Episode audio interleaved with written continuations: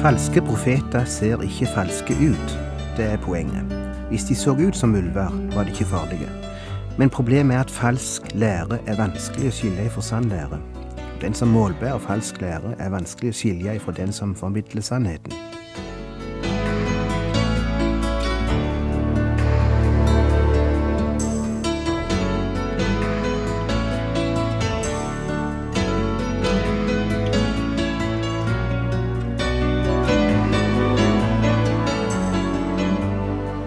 Hjertelig velkommen til et nytt program i serien Vindu mot livet.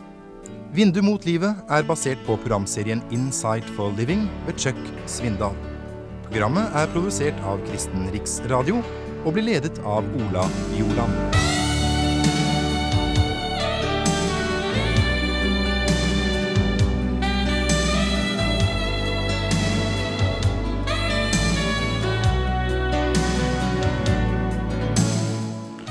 Vi nærmer oss slutten på serien fra Bergpreika. I dag er vi kommet til nest siste program, og avsnittet vi skal se på i dag, finner vi i vers 15 til 23 i kapittel 7. Vi er altså i Matteusevangeliet og leser fra vers 15 i kapittel 7. Vokt dere for de falske profeter. De kommer til dere i saueham, men innvendig er de som glupske ulver. På fruktene skal dere kjenne dem høster en kanskje druer av tårnebusker, eller fiken av tisler. Et godt tre bærer god frukt, et dårlig tre bærer dårlig frukt. Et godt tre kan, gi, kan ikke gi dårlig frukt, et dårlig tre kan ikke gi god frukt. Hvert tre som ikke bærer god frukt, blir hogd ned og kastet på ilden. Derfor skal dere kjenne dem på fruktene. Ikke enhver som sier til meg, Herre, Herre, skal komme inn i himmelriket, men den som gjør min himmelske Fars vilje. Mange skal si til meg på den dag, Herre, Herre, har vi ikke profitert ved ditt navn, og drevet ut onde ånder ved ditt navn, og gjort mange mektige gjerninger ved ditt navn? Men da skal jeg si dem rett ut, jeg har aldri kjent dere. Bort fra meg, dere som gjør urett.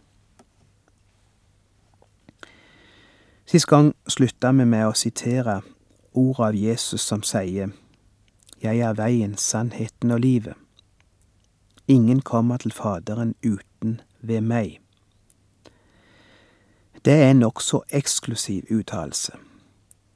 Og i versa før disse her i bergpreika taler Jesus om den trange port og den smale vei gå inn gjennom den trange port. For vi er den port, og bred er den vei som fører til fortapelsen, og mange er de som går gjennom den. Men trang er den port, og smal er den vei som fører til livet, og få er de som finner den.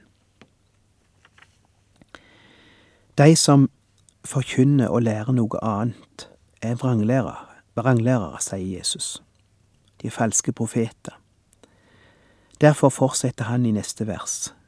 Vokt dere for de falske profeter. Og han sier to ting om disse falske profeter. For det første at de opptrer i saueham. Det vil si at de ser ufarlige ut. Husker sikkert eventyret om Grete og ulven. Var det ikke det det het, tru? Iallfall var det Grete som skulle besøke bestemor si. I mellomtida hadde ulven kommet seg inn til bestemor og spist henne opp og kledd seg i hennes klær og lagt seg i hennes seng, for å lure den vesle jenta når hun kom. Et naivt og enkelt lite eventyr som små barn syns er veldig spennende og dramatisk. Men det er faktisk akkurat det Jesus sier her om de såkalte falske profeter. De er ulver, men de kler seg ut slik at de ser ufarlige ut og høres ufarlige ut. De ser ut akkurat som sauene, mens de i virkeligheten er farlige ulver, klar til å sluke de, de som går på limpinnen. Altså, falske profeter ser ikke falske ut, det er poenget. Hvis du så ut som ulv, var det ikke farlig. Men problemet er at falsk lære er vanskelig å skilje ifra sann lære, og de som målbærer falsk lære, er vanskelig å skilje ifra de som formidler sannheten.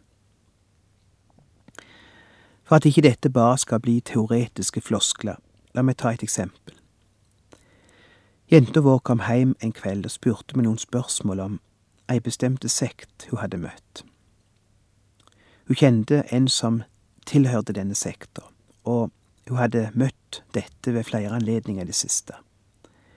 Hun sa, det høres så rett ut, det de sier. Og så er de jo så skjønne mennesker. Og så kan de så mye. Det virker som de er mye mer kjent i Bibelen enn oss. Hvorfor er dette så galt, det de sier, pappa? Ja, hva skal du si? Det er jo akkurat det som er problemet. At falske profeter banker ikke på døra og sier Hei, jeg er en falsk profet, har du lyst til å bli lurt? Vil du jeg skal vise deg hvordan vi fornekter Bibelens lære? Sjølsagt ikke. De mest sjarmerende og overbevisende mennesker er de som fører andre vill. Hvis ikke hadde de sjølsagt ikke klart å føre noen vill. Og de bruker Bibelen, sjølsagt, og de argumenterer mye bedre enn noen andre. I dette tilfellet hadde de kommet i diskusjon om den såkalte treenighetslæra, var det visst. Og denne jenta hadde sagt Treenighetslæra er noe mennesket funnet på, står ikke i Bibelen. Står ikke noe om treenigheten i Bibelen. Er det sant, pappa, at det ikke står i Bibelen? spurte jenta mi. Og det er et knep som brukes for å forvirre og skape usikkerhet om det som barnet har lært. Jeg måtte sjølsagt svare at det var sant. Ordet treenighet står ikke i Bibelen, sjølsagt. Men saken finner vi der. Heile Bibelen ifra Det gamle samentet til Det nye samentet vitner om at Gud er tre personer. At han er Faderen, Sønnen og Ånden. At han er én Gud, men tre personer. Jeg kan ikke ta tid til å gå i detaljer om det nå, bare nevne som et eksempel på hvordan det brukes teknikker for å svekke Bibelens lære. Det som ligger bak i dette tilfellet, er selvsagt å svekke læra om at Jesus er Gud. Det er en sannhet som alltid har vært motstand opp gjennom historien, ifra forskjellig hold, både ifra religiøst hold og ifra antireligiøst hold, eller antikristelig hold, rettere sagt. Det er selve kjernen i evangeliet. Og det har vært motstand ifra første stund. Det var det fariseerne reagerte på, og som gjorde at de til slutt drepte Jesus. Det var det at han utga seg for å være Gud. Det har alltid vært strid. Og det raste svære strider i det første århundret, eller de første århundrene i kyrkja om akkurat dette, hvem Jesus var, om han var Gud, eller om han var menneske, eller om han var begge deler. Og det var da kyrkja satte seg ned og samla Bibelens utsagn i noen læresetninger, for en gang for alle å slå fast at Jesus er Guds sønn, komme til jord for å dø for våre synder og oppstå til vår rettferdiggjørelse, og at den som døde for oss, både var menneske og Gud. Og hvis han ikke var menneske og Gud, så kunne han ikke ha sona vår synd. Så dette går på sjølve sentrum i kristendommen, sjølve frelseslæren. Den har vært angrepet ifra mange hold opp gjennom historien, og blir det fortsatt. Men en sier det ikke rett ut. En bruker finurlige metoder på å svekke læra om Jesus. Og en av de er altså å si at det står ikke noe om treenighetslæren i Bibelen. Og unge mennesker som ikke har møtt denne påstanden før, blir sjølsagt usikre og forvirret. Jeg sa til jenta mi, du skal ikke diskutere med disse. De vil bare komme til å forvirre deg. De vil komme til å sette deg fast, for det er det de er opplært til. Jeg kunne godt ha lært deg opp til å sette deg fast, til å bli like flink som deg til å argumentere ut fra bibelvers. Men spørsmålet er om det er det vi skal bruke tida til, å sette fast folk som du ikke likevel ikke kan vinne. Spørsmålet er om det, er, om det ikke er viktigere ting å bruke tid og krefter på. Bruke krefter og tid på folk som kan vinnes for evangeliet.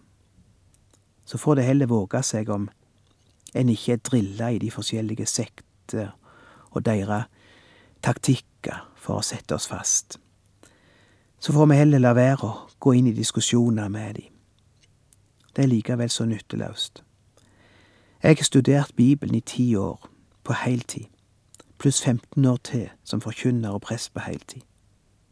Men òg jeg kan bli forvirra når det sendes ut massevis av løsrivne bibelsitat for å bygge opp en om et teologisk system. Du kan ikke være skodd til enhver tid til å møte slike system. Poenget er at Jesus advarer imot det. Ikke bare imot å la seg lure, men faktisk òg imot å begi seg inn i diskusjoner med de. Vel, det var eksempel på én type falsk lære, men det er òg mange andre typer, med delvis helt andre utgangspunkt. Det kan finnes falske profeter òg innenfor våre egne kirkesamfunn, som altså formelt anerkjenner den læra deres kirke står for, men som fordreier eller fortie denne læra, eller omtolke den. Og det som altså er så forvirrende for mange i møte med ubibelsk lære, er at de mennesker som formidler den, ofte er de mest elskelige og omsorgsfulle mennesker du kan tenke deg. Det er jo akkurat det Jesus sier her. De er kledd i saueham. En mann som hadde tilhørt en menighet som han etter hvert skjønte ikke forkynte det sanne evangelium, og derfor brød han med den og fant ei menighet der han fikk høre ord om korset og blei frelst. Han sa det slik. Du skjønner, de mennesker var så fine og kjærlige mennesker at de kunne ha elska meg rett inn i fortapelsen. Syns dette var så viktig å få fram, for jeg møter stadig folk som sier ja, men de er jo så fine mennesker, de har jo så mye kjærlighet. Ja, hadde du venta noe annet? Er det ikke akkurat det Jesus sier? Når skal vi slutte å bli overraska fordi om ubibelsk lære framstår som den mest kjærlige og tolerante lære som fins, og de mennesker som forfekter den, er de mest kjærlige og tolerante mennesker vi møter? Når skal vi slutte å bli overraska over det? Jesus har sagt det hele tida. Og du må ikke tro falsk lære ville bedratt så mange hvis det ikke var det at den framstår som sann. Det er jo akkurat det som er poenget, og problemet. Hvis du vil lure noen med falske penger, så trykker du ikke trikanta tiere eller sekskanta tusenlapper. Du lager de falske myntene eller sedlene så like de ekte som mulig, med bilde av kongen på og alt, og til likere de er, til flere mennesker blir lurt av de. Så enkelt, så enkelt, så elementært når det gjelder andre sider ved livet. Men likevel lar kristen seg lure om igjen og om igjen, og blir like overraska og forvirra hver gang de møter ulver i fåreklær. Det vil si møter mennesker med et ubibelsk budskap, mennesker som er minst like fine mennesker som de kristne og har minst like mye kjærlighet som deg. Det andre han ber oss om å legge merke til, er resultater. Resultater på lang sikt. Fruktene kalles det. På fruktene skal dere kjenne dem. Høster en kanskje druer av tårnebusker, eller fiken av tistler. Et godt tre bærer god frukt. Et dårlig tre bærer dårlig frukt. Et godt tre kan ikke gi dårlig frukt. Et dårlig tre kan ikke gi god frukt. Hvert tre som ikke bærer god frukt, blir hogd ned og kastet på ilden. Derfor skal dere kjenne dem på fruktene. Vi lever i ei tid der vi liker raske svar, raskt stoff, fast food og instant coffee og hva det heter alt sammen. Vi lar oss sjarmere av det umiddelbare, det som viser seg med en gang. Vi vil ikke vente på stoff. Vi blir imponert av det vi ser framfor oss i øyeblikket, eller hører. Vi blir imponert over en som er flink til å kommunisere, til å argumentere, en som er sjarmerende, eller en som får oss til å føle godt, osv. Føle godt-teologi, det er det som selger i dag. Men Jesus sier sjå på fruktene, vent litt før du kjøper det. Ikke la dere blende av førsteinntrykket. Sjå hva som vokser fram av det. Gi det tid til å vise hva det er. Ikke hopp på noe med en gang.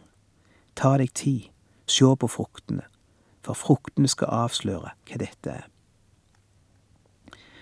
Nå må jeg få legge til at her er det selvsagt to grøfter. Og mennesket har en egen evne til å havne i grøfter. Enten går man til den ene ytterlighet, eller så går en til den andre. Mennesket har en spesiell sans for det ekstreme, har jeg inntrykk av. Jeg vet ikke om du har lagt merke til det. Når truende uttaler seg om noe, eller deltar i en fjernsynsdebatt om et eller annet, så er de enten ekstremt liberale, eller så er de fanatisk reaksjonære.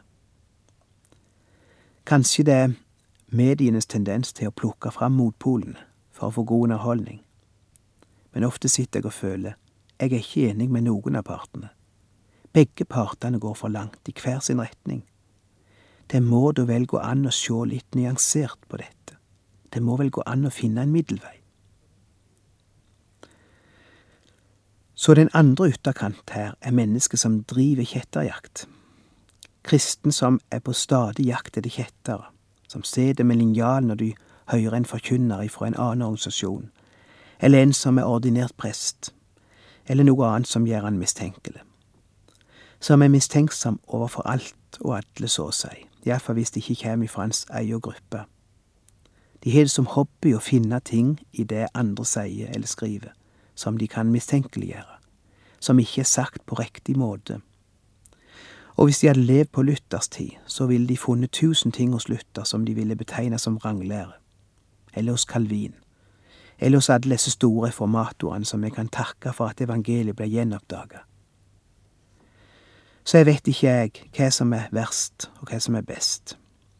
Jesus advarer mot begge deler like sterkt. For faktum er at du finner begge deler nettopp hos fariseerne. Kanskje mest av det siste. Mistenksomhet. Leite etter å finne et eller annet som ikke stemmer med deres liste, som de kan slå ned på og rope han forkynner falskt. Og giss om jeg kjenner dette. Falske profeter fører mennesket vill, og resultatet viser Jesus i, nest, i de neste vers. Der får vi høre hvorfor vi skal vokte oss for falske profeter, hvorfor de er så farlige. Ikke enhver som sier til meg, Herre, Herre, skal komme inn i himmelriket, men den som gjør min himmelske Fars vilje. Mange skal si til meg på den dag, Herre, Herre, har vi ikke profetert ved ditt navn og drevet ut onde ånder ved ditt navn og gjort mange mektige gjerninger ved ditt navn. Men da skal jeg si dem rett ut, jeg har aldri kjent dere. Bort fra meg, dere som gjør urett.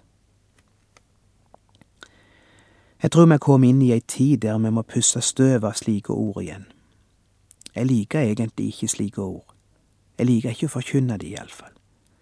Men av og til dumper jeg over de, i en søndagstekst for eksempel, eller som nå når jeg gjennomgår bergpreika, og da kan jeg ikke bare hoppe over de. Men jeg liker egentlig ikke å snakke om slike ting, for det høres så negativt ut.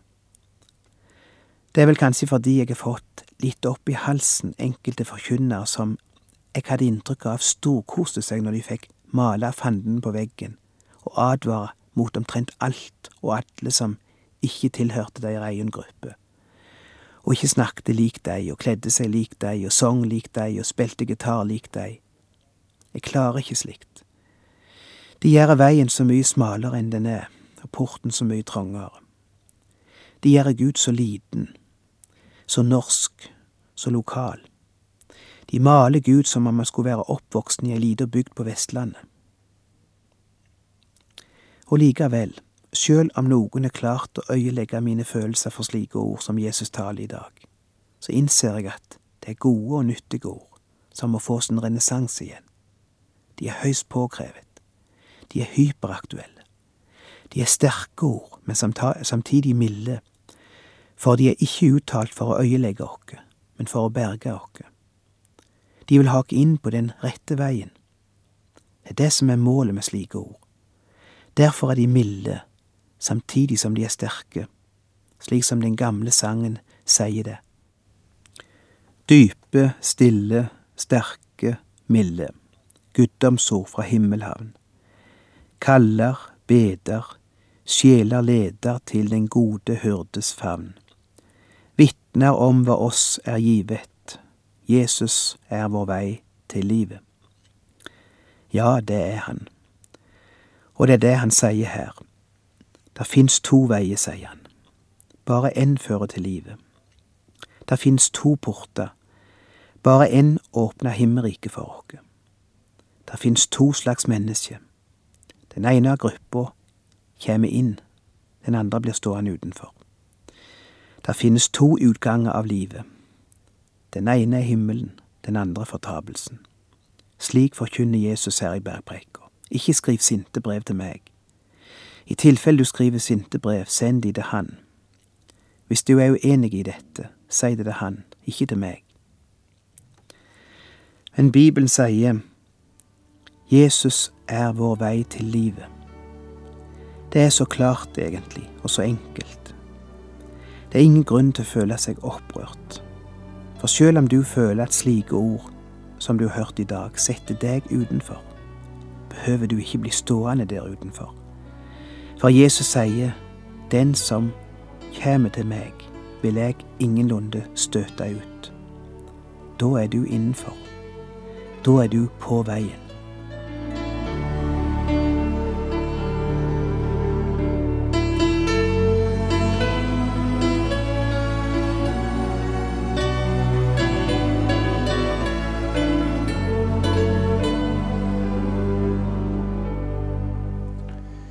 Du har lytta til Ola Bjoland i serien 'Vindu mot livet' fra Kristen Riksradios arkiv.